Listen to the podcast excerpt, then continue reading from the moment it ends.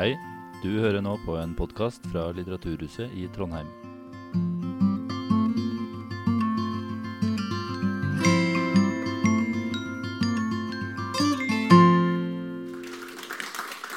Linn, du er hjertelig velkommen hit. Du var jo også her i den forrige serien. Og eh, det er veldig hyggelig å se deg her igjen. Eh, foredraget ditt i kveld handla altså om som det står her, om hva dagens samfunn krever av ytelser og prestasjoner, og hvordan dette virker inn på oss alle. Linn er da forfatter, garven, journalist og skribent og samfunnsdebattant, utdanna som sosiolog. Har skrevet bøker med slike titler som 'Er jeg fri nå?' 'Tidsklemme i verdens beste land'. Og eh, sist, ei bok som også ligger her for salg nå, 'Det er nok nå'. Hvordan nyliberalismen ødelegger mennesker og natur. Så budskapet er for så vidt eh, ganske tydelig gjennom de titlene her, og det skal bli veldig eh, hyggelig å høre Hyggelig? Det skal bli veldig fint å høre hva du har å si. Og så er det slik at Linn snakker da en, en eh, toppen en time. Deretter så skal vi altså ha innspill og samtale. innspill fra salen og samtale. Ordet ditt. Tusen takk. Er jeg på? Ja. Um, ja. Det er utrolig hyggelig å se levende mennesker igjen. Uh, jeg kommer fra den stengte byen i sør. Vi har jo knapt sett mennesker på flere uker. Nå er det til og med stengt for digitale foredrag, for til og med da er vi plutselig for mange i et rom. Eh, Jeg gikk rundt i gatene deres før i dag med tårer i øynene over å slippe å se mennesker med munnbind. For det ser du nesten ikke i Oslo. Mennesker uten munnbind. Og det, vært, eh, det er ganske tungt. Eh, tungt, faktisk. Så ikke kom dit. Eh, ha det sånn. Jeg har bare lyst til å ikke reise hjem etter å ha vært her. Og Det fikk meg til å tenke på to av de spørsmålene jeg måtte le litt for meg sjøl da jeg så innledningen til dette foredraget, hvor det sto, du hadde skrevet 'Hvordan kan vi forsone oss med oss selv? Hvilke grenser står vi overfor?' Ja, det har vi fått kjenne på i Oslo, får en si. De to grensene der. Eh, Vi forsoner oss med oss selv hver eneste dag. For det er jo den personen vi har å være sammen med. Så de spørsmålene ble plutselig veldig aktuelle. Men nå over til, eh, til nyliberalisme. Og jeg tenker eh, For å bare spørre dere sånn løst først Hvor mange av dere er det som føler at liksom, nyliberalisme det kan jeg definere på her og nå? Nei. Det er det nesten ingen som kan. når jeg spør. Det, og det som jeg da kan trygge salen med, at når dere går ut herfra i kveld, så veit dere det. Og dere skjønner også at dette var enkelt. Dette kunne jeg egentlig, burde jeg kunnet før hvis noen hadde sagt at det var enkelt. Problemet er at så mange sier det er så vanskelig. Men det er det ikke. Så dit kommer vi. Så liksom bare, bare hold ut, eh, så kommer forklaringa. Men jeg skal være, jeg skal, tenkte jeg skulle begynne på en litt sånn, bare for litt sånn innspill til mitt eget foredrag. Så skal jeg løfte fram tre nye bøker som er kommet nå, helt nylig nå i høst. Og jeg skal gi dere noen sitater fra de bøkene som et lite sånn eh, ja, forrett da, til denne tiretteren vi skal igjennom. Og Det første sitatet det er fra en bok som heter 'Grønn vekst', som er skrevet av Per Espen Stoknes, som er psykolog og økonom. Begge deler. Og Han var i sin tid ikke så lenge siden, psykolog på Kongsberg utenfor Oslo. Og sluttet med det og ble økonom. For han opplevde ting som psykolog som, som sier noe om akkurat denne tittelen her. Da, 'Samfunnet krever, individet betaler'. Eh, og Han skriver da bl.a. om eh, da han var praktiserende psykolog. Jeg kunne se hvordan hele vårt samfunn, organisasjoner og økonomi skapte en jevn strøm av utbrente, deprimerte, engstelige og stadig mer ulykkelige mennesker som overbelastet sin, sine indre ressurser for å produsere stadig mer. Dette er altså da pasientene hans. Eh, denne boken kom i, kom i september i år. Eh, Og Han sier videre i boka hvis jeg hjalp dem til å bli som bedriften ville ha dem, til å bli produktive igjen, ville de vende rett tilbake til systemet, noe som til syvende og sist bare ville gjenskape de samme symptomene. Du lager mennesker som skal tilbake for å lage et system som igjen skaper nye pasienter til han. da. Eh, Og Han skriver videre i innledningen til boka I arbeidslivet lot det til å være en endeløs strøm av oppbrukte, forkastede ansatte som var utslitte, søvnløse, redde for aldri å strekke til, ute av stand til å takle forventninger hjemme og på jobb, fulle av frykt som var utløst av et system med liten eller ingen innsikt i hva humankapital i bunn og grunn dreier seg om. Og dermed det virket mer hensiktsmessig å ta for seg de økonomiske årsakene. Og Da utdannet han seg til økonom, eh, jobbet på BI og skrev 'Grønn vekst'. og mye annet. Jeg nevner denne boka, disse sitatene bare liksom for å understreke at den tematikken som, eh, som, jeg løfter frem her i dag, det er en tematikk som her og nå opptar ganske mange. For to uker siden så kom det, eller knappe to uker siden så kom også denne boken her, som heter 'Markedsmennesker'. Og bare den tittelen kan dere jo merke dere da, og ta, ta med dere inn i foredraget. Det er en antologi, dvs. Si at det er flere mennesker som har skrevet i den boka om det å være markedsmenneske. 'Kritikk av tidsånden' er da undertittelen. Ehm, en psykolog som heter Joanna Radkowska, hun skriver i sin tekst at det psykologiske er politisk. Det nye arbeidslivet er en direkte konsekvens av markedsretting. Dette har gitt oss et arbeidsliv fullt av syke og stressede kropper blir vi friskere og gladere av at stadig flere deler av samfunnet styres som en bedrift. Styres som en bedrift. Det skal vi snakke mer om etter hvert, når vi skal snakke om nyliberalisme. En annen, eh, Benedicte Strøm, en ung skribent, skriver om Tinder og sjekkemarkedet. Her er vi, Det er ord igjen. da, Sjekkemarkedet, boligmarkedet, arbeidsmarkedet. Vi er programmert til å skamme oss i nyliberalismens tid. Kjærlighet er kommodifisert, noe vi kan behandle som en vare. Og Hvis vi ikke lykkes på kjærlighetsmarkedet med så mange muligheter, ligger ansvaret og skammen hos oss. Og så videre. Jeg tenkte at disse strukturene som vi snakket om, er så internalisert at nyliberalismens far, Friedrich Hayek, ville ha svingt seg i grava med partyhatt.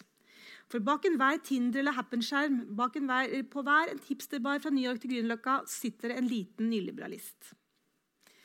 Eh, Friedrich Hayek, bare merk dere navnet, han eh, er også en dere kjenner om en kort, kort liten time. Så det er også igjen for å understreke at den tanken om at dette, denne nyliberalismen liksom internaliserer, den blir en del av kroppene og tankene og sjela vår, det er noe som opptar også unge mennesker i dag. Da. En annen bok som kom i oktober, altså mellom de to jeg har nevnt, er denne. 'Ensomhetens århundre' av Norina Hertz. som er jo lansert internasjonalt. Eh, 'Hvordan finne sammen i en verden som splitter oss'. Og hun skrev den boka før Eh, eh, pandemien før korona, men det skulle man jo ikke tro når man leser den, for den treffer oss jo voldsomt i dag. Ensomhet skyldes flere tiår med nyliberal politikk, skriver hun. Nyliberalismen verdsetter en idealisert form for selvstendighet med liten grad av styring ovenfra og en brutal konkurranseånd som satte egeninteresse foran samfunnets og fellesskapets beste. Videre Nyliberalismen var nemlig aldri en rent økonomisk politikk, noe Margaret Thatcher gjorde klinkende klart da hun i 1981 sa til Sunday Times Thatcher, altså Storbritannias statsminister på det tidspunktet. Økonomi er metoden, målet er å endre folks hjerte og sjel. Det lyktes nyliberalismen på mange måter med, skriver Hertz, ved å verdsette egenskaper som overdreven konkurranseånd og jakten på egen interesse, uavhengig av konsekvensene for andre, endret den nemlig fullstendig hvordan vi så på hverandre og hvilke forpliktelser vi følte overfor hverandre. Så med dette altså liksom litt boktips og bare liksom løfte frem de tankene om at jeg står ikke aleine om å bry meg om denne tematikken, det er ganske, eh, ganske gjengs da, etter hvert. Så med det så er liksom tonen satt, tenkte jeg. Har jeg eh, legitimert mitt eget påfunn? Og så skal vi da inn i materien her. Hva er nyliberalisme, og hvorfor er det viktig å kjenne til den? Eh, disse fire bildene som dere ser her, det er jo da fire eh, konsekvenser av nyliberalismen som jeg skriver om i denne boka som dere så innledningsvis. Og de, disse fire konsekvensene er jo da sant, ganske enkelt illustrert med Det her er jo fra brannene i Australia i januar i år. Som mange trodde skulle liksom bli det vi husket 2020 for, men det har vi allerede glemt. men da altså klima- og naturødeleggelser. Han med steinen på hodet er jo litt av det temaet vi skal snakke om i dag. altså Angst, depresjon og disse liksom, personlige konsekvensene av eh, nyliberalisme. Og så er det dette mennesket som halter av gårde til arbeidslinja. Altså en velferdsstat eh, under press, særlig i nær sagt alle andre land enn eh, vårt eget. Eh, og økende ulikhet, eh, som vi vet vi har lært av Thomas Piketty de siste årene, som er eh, ikke bare i mellom land, men også mellom der vi bor, i vårt eget nabolag, så er ulikhetene blitt større. Og nå skal jeg si noe viktig. Fordi Når vi snakker om eh, hva det betyr å føle trøkket fra nyliberalismen, så vil det liksom være to ulike ting. Den ene konsekvensen av dette trøkket er jo liksom helt konkret. Altså At man lever i fattigdom, f.eks., eller man lever under økonomisk stress. Eh, klima- og naturødeleggelser som ødelegger livsgrunnlaget ditt eller gir deg uro og økologisk sorg. Eh, eller en velferdsstat som du trenger for å overleve, som er under press. Sikkerhetsnett som forsvinner. Altså, alle disse tingene er jo i seg selv nok til å gjøre, gjøre deg eh, sorgtung og, og, ha det vanskelig. Eh, for det er jo sånn at alle disse tingene kan du, jo, du kan jo kjøpe alle disse tingene fra markedet. altså F.eks. velferdsstatsgoder. Men hvis du ikke har råd til det, så trenger du denne, dette nettet i bunnen. da. Så disse materialistiske endringene rundt oss stresser oss, ødelegger oss og setter oss på prøve. Og vi i Norge og Sverige og Finland vi er jo snart den eneste liksom, lille avkroken i verden. Det skriver også Piketty om i sine bøker. At vi er jo unntaket. Vi kan tenke er det så ille da? Eh, ja, det er det. Eh, og jeg, jeg, bodde mange år i England, og derfor så følger jeg det landet tett. Og det er jo ikke en glede å følge mitt gamle eh, land tett. Det er liksom fattigdom på et sånt nivå som, som, vi ikke skjønner rekkevidden av når vi går opp Oxford Street i, i gamle dager og gjør julehandel og sånn. Så, så, det er liksom viktig å huske at det er konkrete ting som denne politikken medfører, som gjør folk sjuke og stressa. Men så har du liksom den andre delen av det, og det er disse to tingene vi skal snakke om i dag. og De vil skrive i hverandre, men derfor jeg liksom sier det først. Det er sikkert sånne stjerneelever som bare catcher det med en gang. Eh, og Det er jo mer det der vage og filosofiske rundt nyliberalisme som en tidsånd. At selv om vi har det bra, selv om økonomien er grei, eh, familien er hyggelig og du har et nesten nedbetalt hus, så, så er det likevel noe som presser på. liksom. Dette sånn ubestemmelig trykk som bare er der, um, som sier noe om hva slags idealer man skal ha, hva slags verdier man skal ha, hva som er dumt å dagdrømme om, hva som er liksom lov å dagdrømme om. Uh, noe som påvirker hvem vi er, og som trenger seg inn i oss. Hvordan vi ønsker å framstå for oss sjøl eh, og foran liksom, det store samfunnsspeilet. Så, så, disse to tingene uh, er det liksom, liksom viktig å holde litt sånn koll på. at det kan man trenger ikke å være liksom, ja, være konkret utsatt da, for nyliberalisme, for likevel å føle dette, dette trøkket.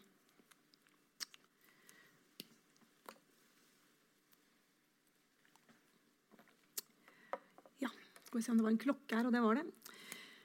Så enkelt kan det sies når noen sier dette er så vanskelig. med nyliberalisme. Nei, det er det ikke. Jeg tenker at Det kan oppsummeres i denne ene setningen. Det er rett og slett Nyliberalisme er markedets stadig økte inntreden i våre liv.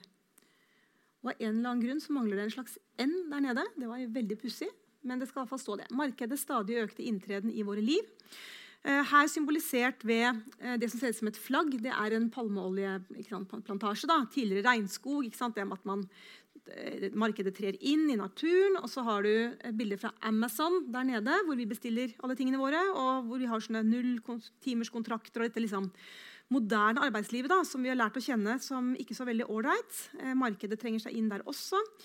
Eh, i arbeidslivet vårt. Og så har du liksom, privatisering av velferdsgoder, profitt i velferdsgoder. At man nå kan tjene penger på ting som vi for få år siden ikke kunne forestille seg å tjene penger på. Barnevern, f.eks.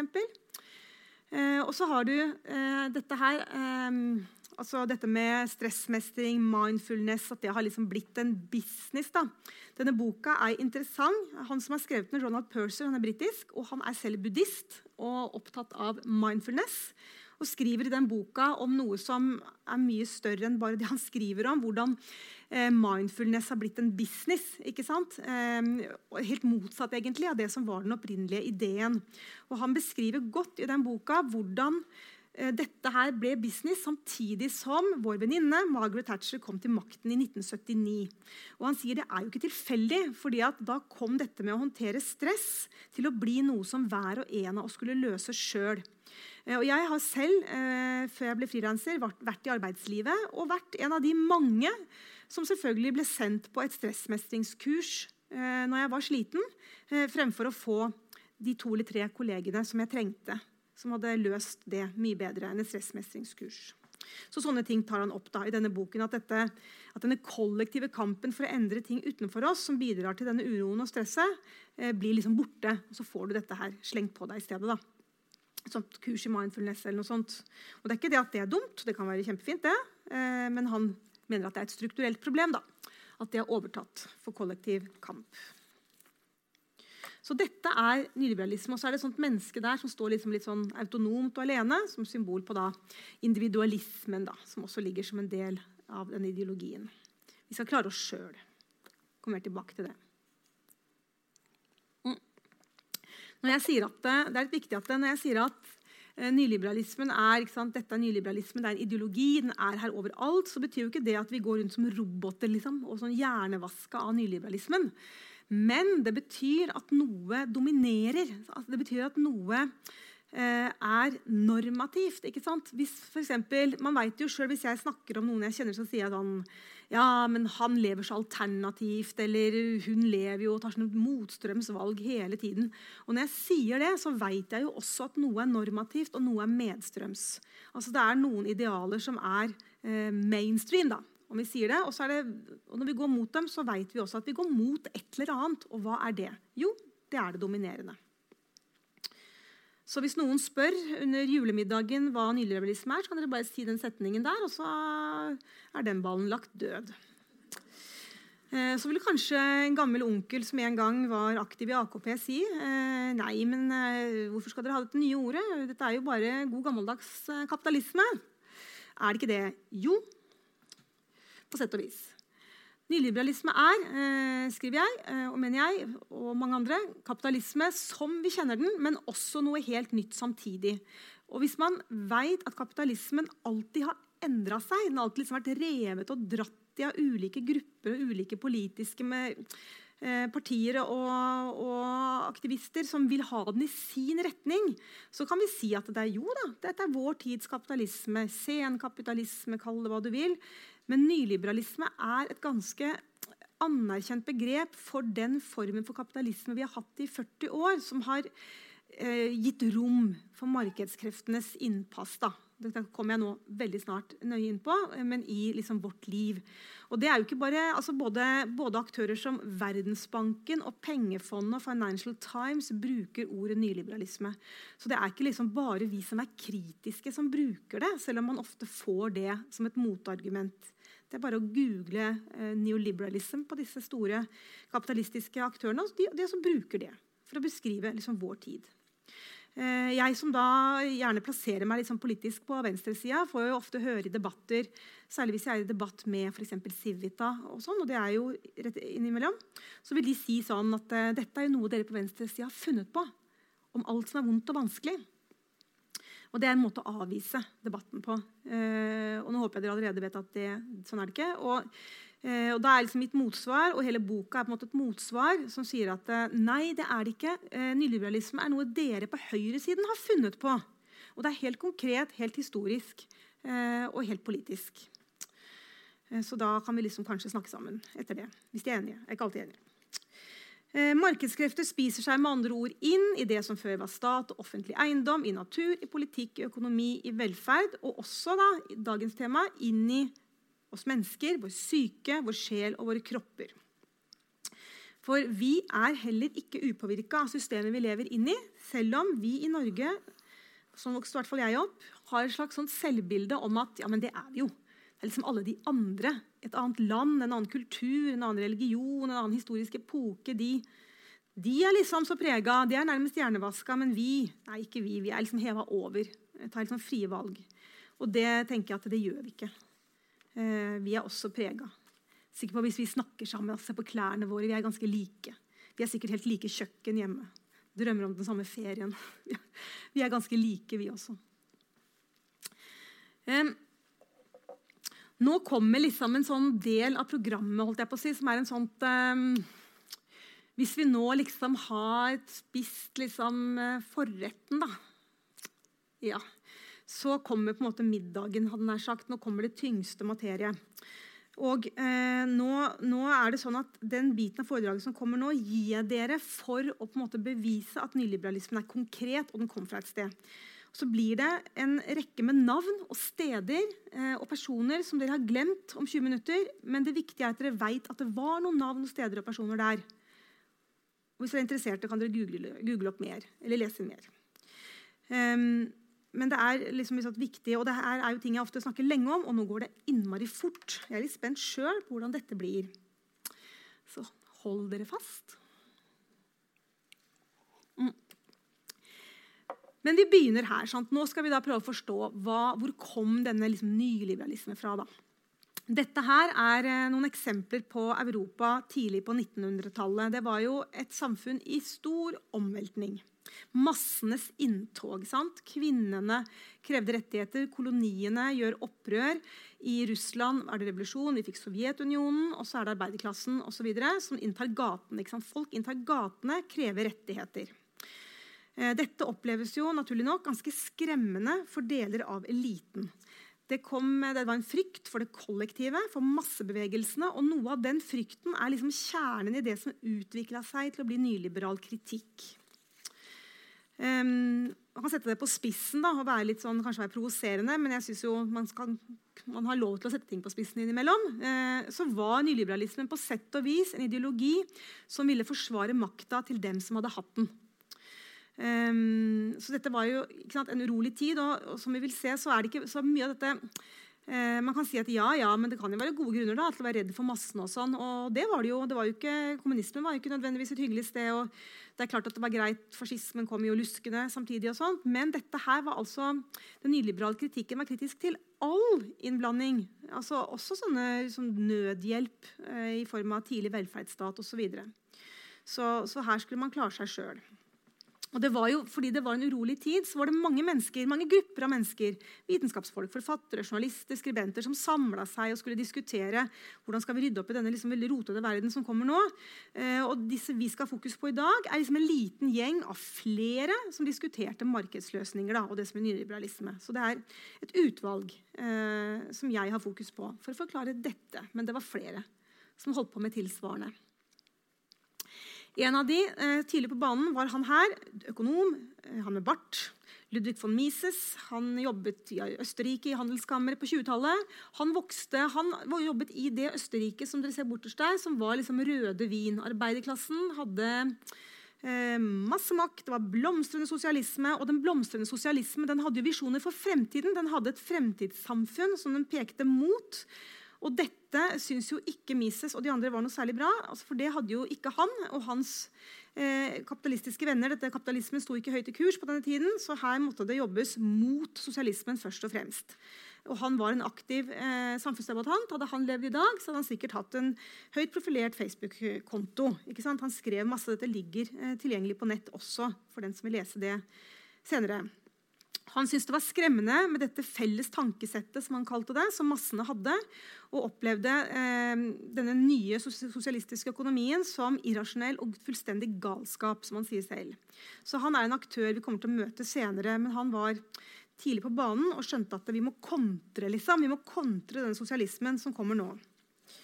Um, den boka som står der, 'Massenes opprør' det var ikke hvilken som helst bok. Det ble en bestselger. Eh, veldig populær bok, Lest av kjempemange på begge sider av Atlanteren. Og den slo særlig an hos typer som Mises og andre sånne kapitalistiske tilhengere fordi han skriver om disse folka i den boka.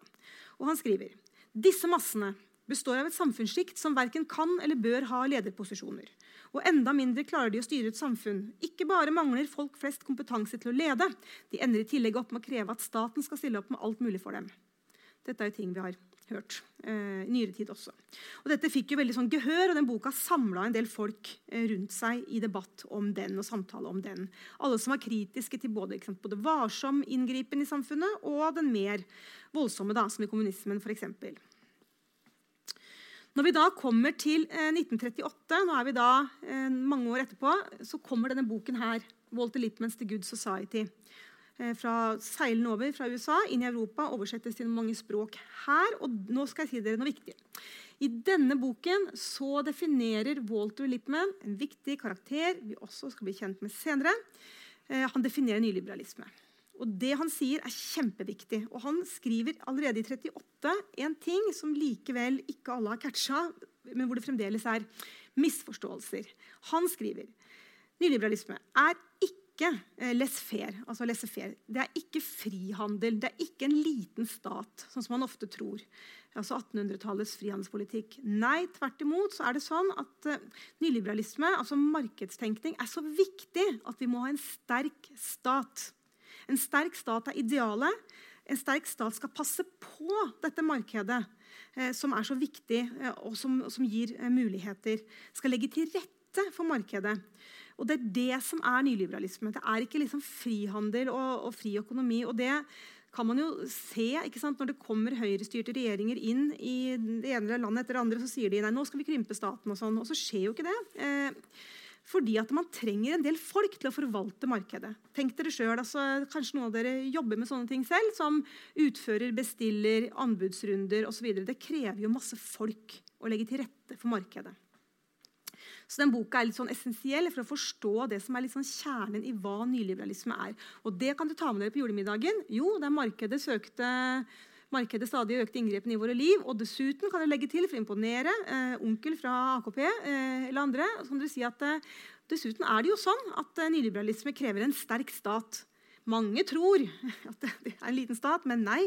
Helt tilbake til 38 osv. Her har dere jo en god, en god eh, Det er bare å drikke akevitt og, og, kjøre på, så blir det en spennende julemiddag. Eh, Walter Lippmann, han, eh, da boka hans oversettes, så samler han eh, Mises og kollegaen til Mises, som heter Fredrik Hayek Kjent navn, ikke sant? Han kommer dukker opp senere, han blir veldig viktig, men han jobbet sammen med Mises, litt yngre, i Østerrike. Eh, Mises, Hayek, Lippmann og en annen gjeng samler seg i en slags gutteklubb 1938 i Paris for å diskutere denne boken. Her beklager jeg at Paris står med en liten P, eh, ja. men det var ikke meningen.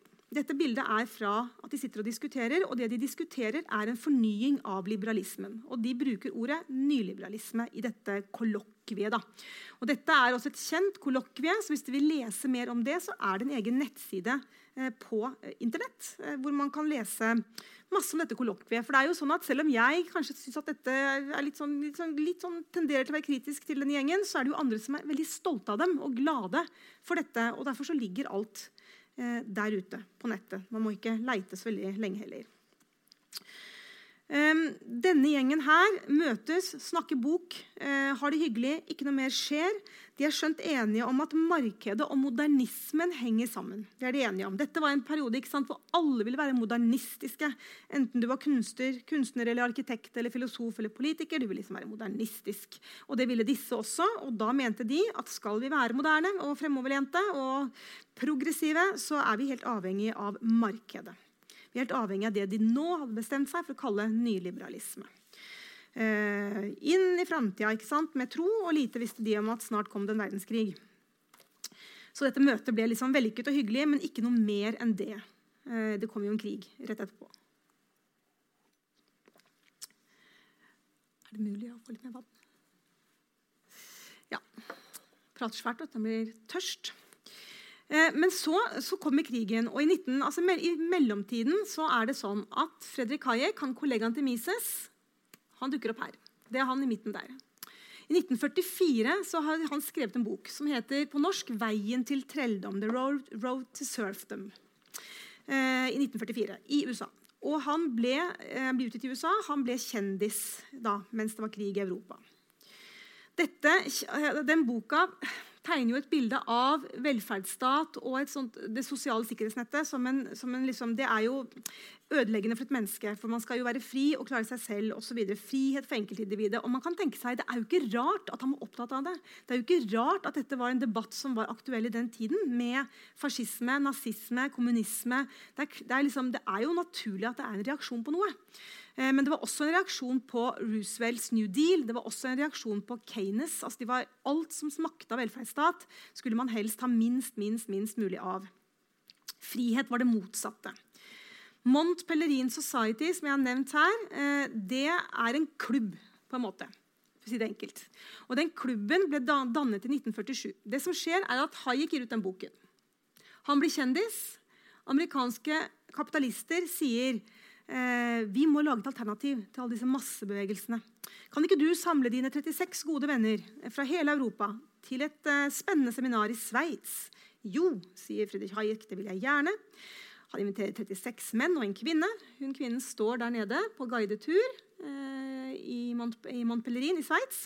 Så har de ti dager sammen hvor de diskuterer, lager visjoner for fremtiden, manifest. Dette ligger også på nett hvis noen vil lese det, referater osv. fra diskusjonene. Og nå var det et mye større prosjekt enn i Paris. Nå skulle de ha visjoner for fremtiden. Eh, disse også liksom slår fast i sitt manifest dette med privat eiendom er viktig, frihet for individet er viktig, et marked ivaretatt av staten er viktig.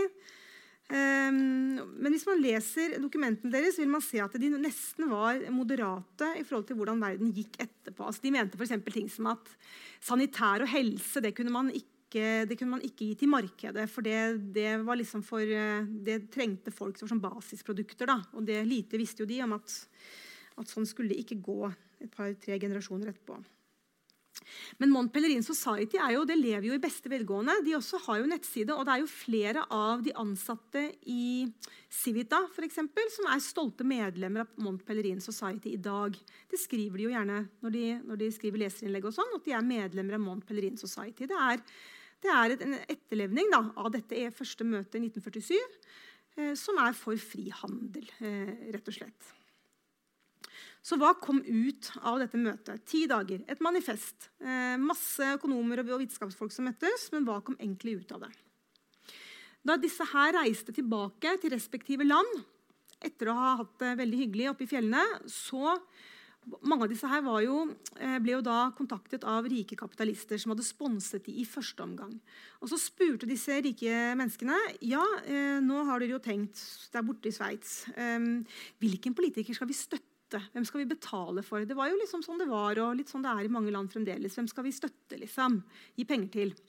Og så svarte disse ny, ny, nyfrelste nyliberalistene at eh, nei, nå skal vi ikke tenke sånn lenger. Nå skal dere bruke pengene på noe annet. Nå skal vi lage tenketanker. Og det gjorde de.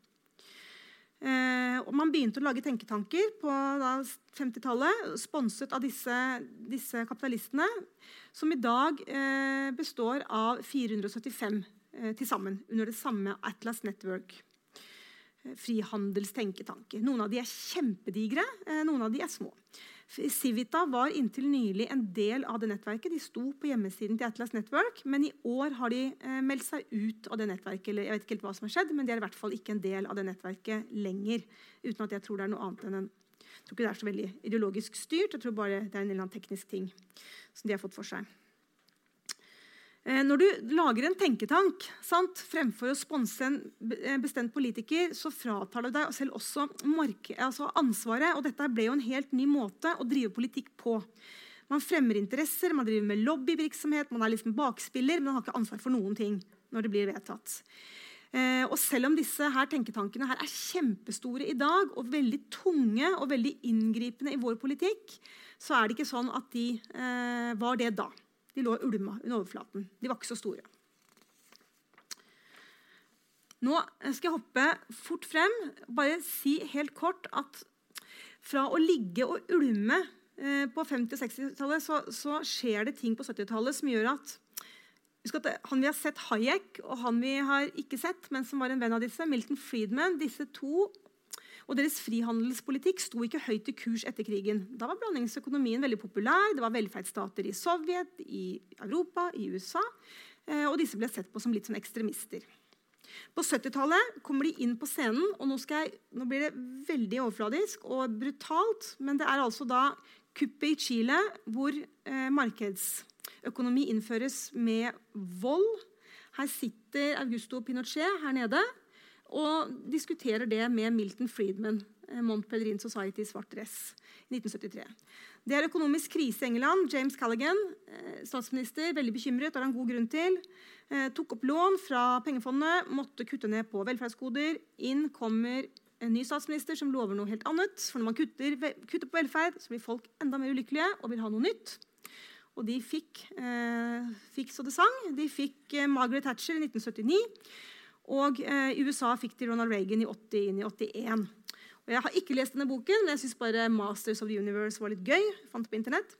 Eh, det som er, De fire bildene der er jo da Thatcher, Reagan, og så er det Milton Friedman i svart dress der, og så er det eh, Fredrik Hayek. Altså Hayek ble rådgiveren til Thatcher, og Friedman ble valgkamprådgiver til Reagan i to omganger. Så at disse her er nå plutselig Poenget mitt med å vise dette er å si at Nå har de liksom ligget der under overflaten og vært litt sånn sure, litt sånn sure brev om at ingen hører på dem. Og så skjer det ting på 70-tallet, flere ting enn det jeg har sagt nå, for det gikk fort, som gjør at de nå kommer på den politiske arenaen og setter sitt preg på samfunnet og praktisk politikk, ikke minst. Da jeg eh, ble voksen på 90-tallet, så var det jo sånn som det her eh, at økonomisk globalisering ble et fakta. altså Sovjetunionen falt, Øst-Europa falt, alle ble nå en del av markedsøkonomien. Og det måtte de for å kunne få lån i Verdensbanken og pengefondet så måtte du, måtte du bli en markedsøkonom eh, som land. Så det var ikke så rart. Det kom bøker som het sånn ja, The End of History. ikke sant? Nå var det ikke ideologene som styrte lenger. Nå var, det, nå var vi liksom alle enige om at markedet det var lurt, det var smart, det var, det var sunn fornuft. Eh, og Det er nå det begynner å bli en del av hvem vi er. ikke sant? Nå forsvinner dette disse eh, ideologiene vi hadde i verden fra før, med Sovjet og USA. og sånn, Nå er det liksom bare, nå er det bare én vei, liksom, og det er markedet. Um, jeg husker jo, ja, jeg sa jeg bodde i England, og Da jeg bodde der, så var han som skrev eh, Den tredje vei, han var min rektor på det ene universitetet jeg gikk på. Og Den tredje vei betyr jo rett og slett um, Der fins det ikke høyre og venstre lenger, men nå gjør vi bare sånne pragmatiske løsninger i midten. dere. Uh, og det var jo politikken til Tony Blair, som ble statsminister i England i 97. Clinton 95, også ja, Stoltenberg omtrent samtidig. Og nå kom jo sosialdemokratene inn på scenen. og Man skulle tenke seg at nå kommer vel kritikken av nyliberalismen som har pågått. Men den gang ei. Ikke sant? Eh, tvert imot så fortsatte jo disse på mange måter nyliberal politikk. Og Da ble det vanskeligere for oss andre å være kritiske også. Dette var jo våre egne på en måte som gjorde dette. Eh, og hvorfor det? Jo, begreper som frihet, og da kan man diskutere hvorfor det ble sånn. Men det, det ble i hvert fall sånn. Så jeg tenker også at eh, Det er alltid gøy å holde foredrag for, for Arbeiderpartiet, f.eks. Da kan vi diskutere ting som dette. Hva som er sosialdemokratenes ansvar. da. Men nå begynner det å bli, eh, nå begynner det å bli, manifestere seg liksom, som en del av Det er liksom bare sånn det er. Det er dette som er progressivt, moderne. Eh, tenke marked.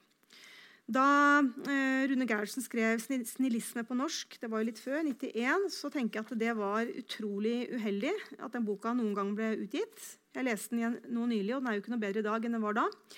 Eh, for det han gjør, er jo på en måte da å mer enn antyde eh, at de ivrigste forsvarerne av velferdsstaten er for naive. Og Da begynner liksom hele det der, etiske forsvaret for velferdsstaten da, å, å bli litt ja, skjelvent i bunnen. Og Det også er liksom, liksom trist at det kom fra, fra, folk som burde forsvart eh, velferdsstaten i en periode hvor den faktisk var under press av markedskrefter. Og dette ble ikke synlig for oss. Så bare for å si noe om at eh, så fornuftig ble det at vi bare aksepterte det. Rett og slett.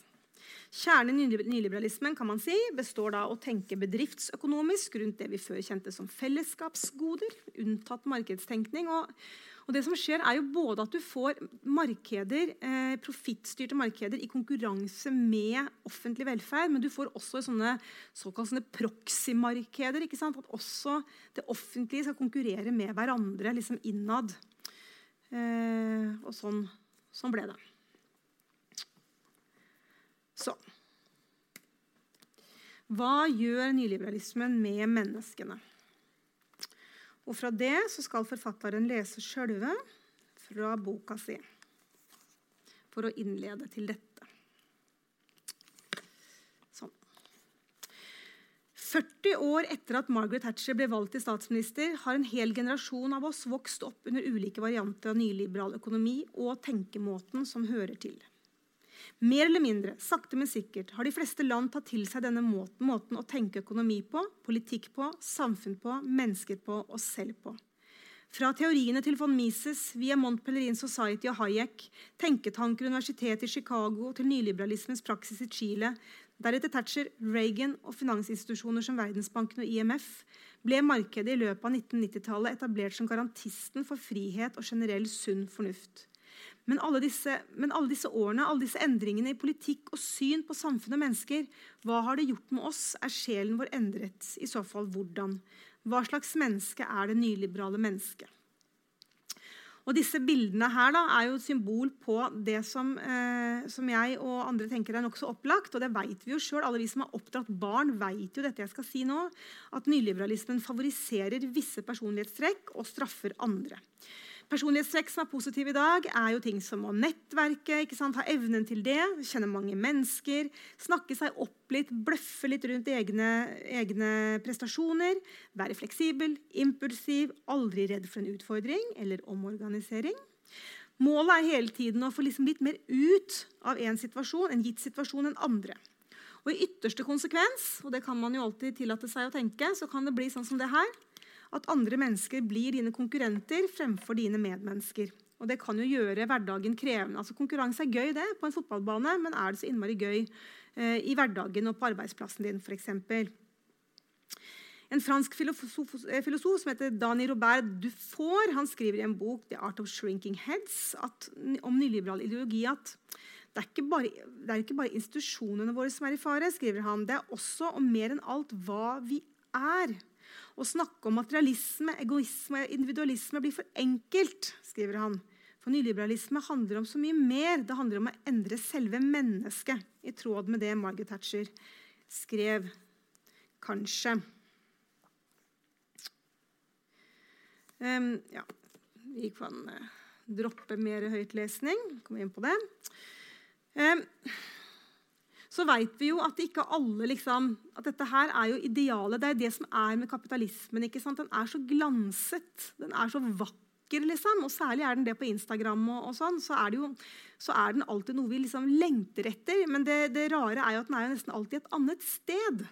Den er jo ikke der eh, vi er ofte, dette glansbildet. Men den frister oss. Sant? Vi vil ha det, vi lengter etter det, vi begjærer det på en eller annen måte.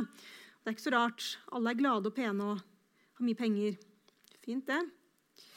Eh, men så er det jo noen som ikke eh, takler dette, eh, denne type press. Det vet vi jo. Man klarer ikke å henge med. Spillereglene er for vanskelige. Man har ikke engang skjønt at det er spilleregler. Eller man har andre kvaliteter ved seg eh, som man må leve med at sjelden anerkjennes. F.eks. det å være sjenert. Eh, det er jo et stort handikap eh, på sett og vis i dag. Og da kan hverdagen bli krevende. da. Og som vi har sett, så fins det en hel industri som tilbyr løsninger på dette for slitne hjerner og slitne sjeler. Fordi skriver David Harvey, en av disse store eh, tenkerne tidlig inne på dette med nyliberalisme. Han skriver i boka 'The Enigma of Capital', altså mysteriet i kapitalen. Det personlige ansvaret hver og en av oss bærer, har blitt en kulturell norm på tvers av klasser. Folk skylder raskt på seg selv dersom noe går galt i livet, fremfor å være kritiske til systemet rundt seg. Og Han beviser da det i den boken gjennom flere studier. Det er liksom ikke bare noe han fant på selv. da. Eh, en, eh, en, annen som, eh, som eh, underviste på mitt gamle universitet, heter David Beer. Han skrev for noen få år siden at nyliberalisme er nå et begrep som trender. skrev han. Altså dette, det er da i 2016 at dette begrepet kommer til å komme opp. Og hvorfor det? Han hadde rett. Han hadde rett. Eh, og hvorfor det? Jo, fordi han så som sosiolog at markedskreftene nå kommer inn på nesten alle livets områder. Vi har blitt så vant til det eh, skriver han i en bok, at vi ikke lenger stusser ved det faktum at måling har blitt en del av hverdagslivet. Innsats måles på arbeidsplassen, kunnskap måles på skolen, skolen måles på resultatene, sykehus måles etter økonomiske kriterier, forsikringsselskaper måler helsen vår, kredittselskaper vår betalingsevne, vi måler lengde og tid via apper på telefonen osv., hjerter på Instagram, likes på Facebook. Listen er jo endeløst. Og at det å bli målt og vurdert og sammenlignet har blitt en naturlig del av det moderne livet. Og Dermed skriver eh, Beer, så begir vi oss ut i en daglig konkurranse i et kappløp vi kanskje ikke engang husker å ha meldt oss på. Men her står vi altså hver dag på startstreken. Og Som sosiolog da, så sier han at eh, nå er det på tide at vi begynner å ikke bare forstå dette, denne måle, altså målstyringen, men vi må forstå hvordan alt dette får oss til å føle oss. Og det er jo da, Disse sitatene jeg hadde innledningsvis, er jo da tre bøker som nå prøver å forstå det, hvordan det får oss til å føle oss. Og dette skrev han for fire år siden. Da fantes det veldig få sånne bøker.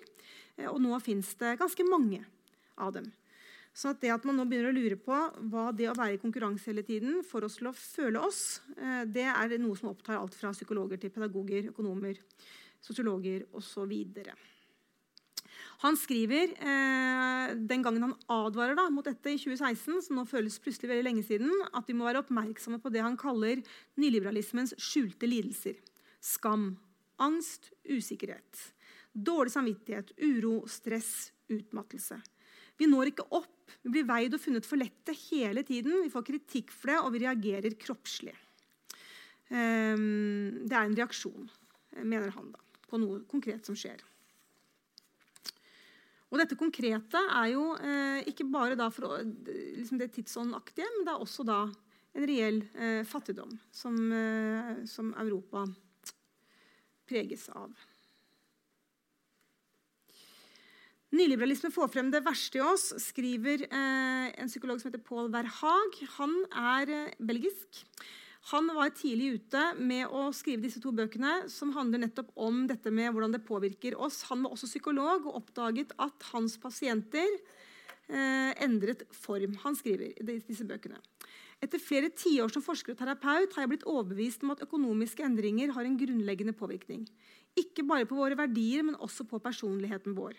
30 år med nyliberalisme, frie markedskrefter og privatisering begynner å slite på oss når det å prestere har blitt en norm. Og konsekvensen av dette prestasjonsjaget kan bli utfordrende for hver og en av oss. I disse bøkene sine skriver han at det var ikke bare det skriver han, at pasientene mine kommer på kontoret mitt. Han er da liksom en autoritet på dette, dette feltet og ikke sånn en tilfeldig fyr jeg fant. Eh, det er ikke bare at de kommer på kontoret mitt med nye problemer, eh, men det er helt nye mennesker som kommer inn og Det er liksom hans prosjekt å søke å forklare hvorfor er det det. De forholder seg til barna sine annerledes enn før. Kollegene sine, kona si, eh, partneren sin osv. Verden. Og Det er det han søker å forstå da, gjennom disse to bøkene.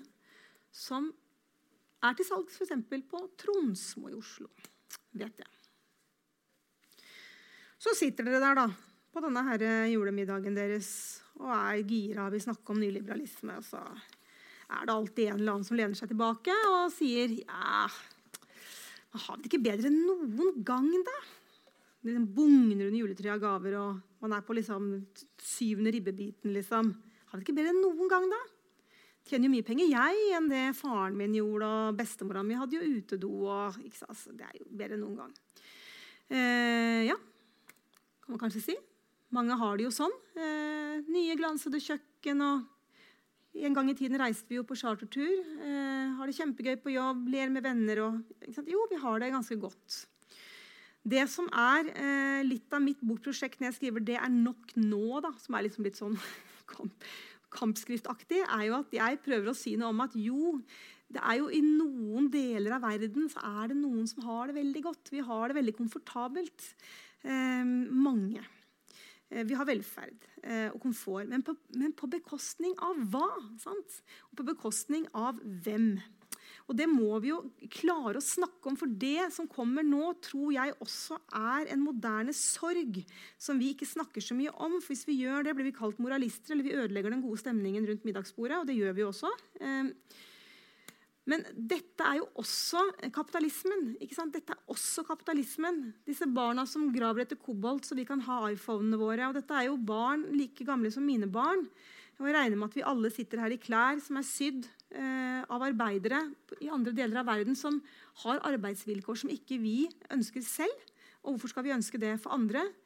Ødeleggelse av natur, sult, urfolk som mister livsgrunnlag osv. Det, det er bare liksom viktig å huske på at det, liksom det og det er to sider av den samme medaljen, sånn som jeg ser det. Og det er jo ikke bare jeg som gjør det. At dette er systemet. Det er ikke sånn at det er kapitalismen. Oi, så hadde vi noen arbeidsuhell her. Nei, det høres sammen. Vår komfort Jeg kan stå her og snakke for dere i dag fremfor å sitte hjemme og sy klær fordi jeg kunne kjøpe et eller annet for sant, eh, prosentvis ganske lite penger av inntekta mi. Og jeg tror at den vissheten om det her, den grove grove urettferdigheten, at unger, småunger jobber for at vi skal kunne ha kose oss med telefonene våre og, og, og PC-ene våre osv., og, så og at vi sender det tilbake og forurenser livsgrunnlaget deres Alt dette og naturens ødeleggelser er også en form for moderne sorg. Sånn at det er grensene da, eh, som vi snakker om i dette, liksom, denne serien her, den er, den er, grenseløs, tenker jeg. Og jeg tror også en del av sorgen ligger i avmaktsfølelsen. Hvordan skal, vi, hvordan skal vi klare å stanse dette her? Det er så voldsomt. Men da, det er da jeg liksom prøver å, å formidle da, gjennom denne boken at det er liksom hele systemet som må settes under kritikk. Skal vi klare å redde oss sjøl og redde naturen? Vi klarer det ikke med små småting, eller aleine. Vi, vi, klarer det ikke ved å sortere plast på hver vår tue. liksom. Det er fint, det òg, men det er ikke det som velter lasset. Um, vi har jo kommet dit, eh, dessverre. Og det vil jo være en debatt som, som, kommer til å komme i enda større grad når vi skal ut av denne pandemien, tror jeg. Men likevel så er vi der fremdeles eh, at vi aksepterer markedet som en naturlig løsning på omtrent alle menneskelige behov. Det som er interessant med nyliberalismen som eh, ideologi, og som vi aldri skal glemme, er at det, Nyliberalismen har jo ingen lojalitet eh, til noe. Ikke sant? Altså Ikke til menneskerettigheter, ikke til feminisme, ikke til likhet, eh, ikke til altså, miljø, ikke til noen ting. Eh, unntatt til konkurranse. Hvis jeg var nyliberalismen i en person, så kunne jeg si jeg er nyliberalismen, og jeg er ikke rasistisk, jeg er ikke sexistisk, jeg dømmer ingen. Vil du bli rik? Vil du klare deg selv? Velkommen inn i min verden. Eh, for sånn er det. Eh, I teorien det er jo som å si hvis nyliberalismen var dommer i en fotballkamp, da, så kunne du ha liksom, Brasils landslag på én side, og så kunne du ha en gjeng med liksom, unger og gamle på den andre. Og så kan du si sett i gang og spill. Eh, jeg er helt nøytral, nøytral dommer. Ja, dere vant 403-0. Men de beste vant.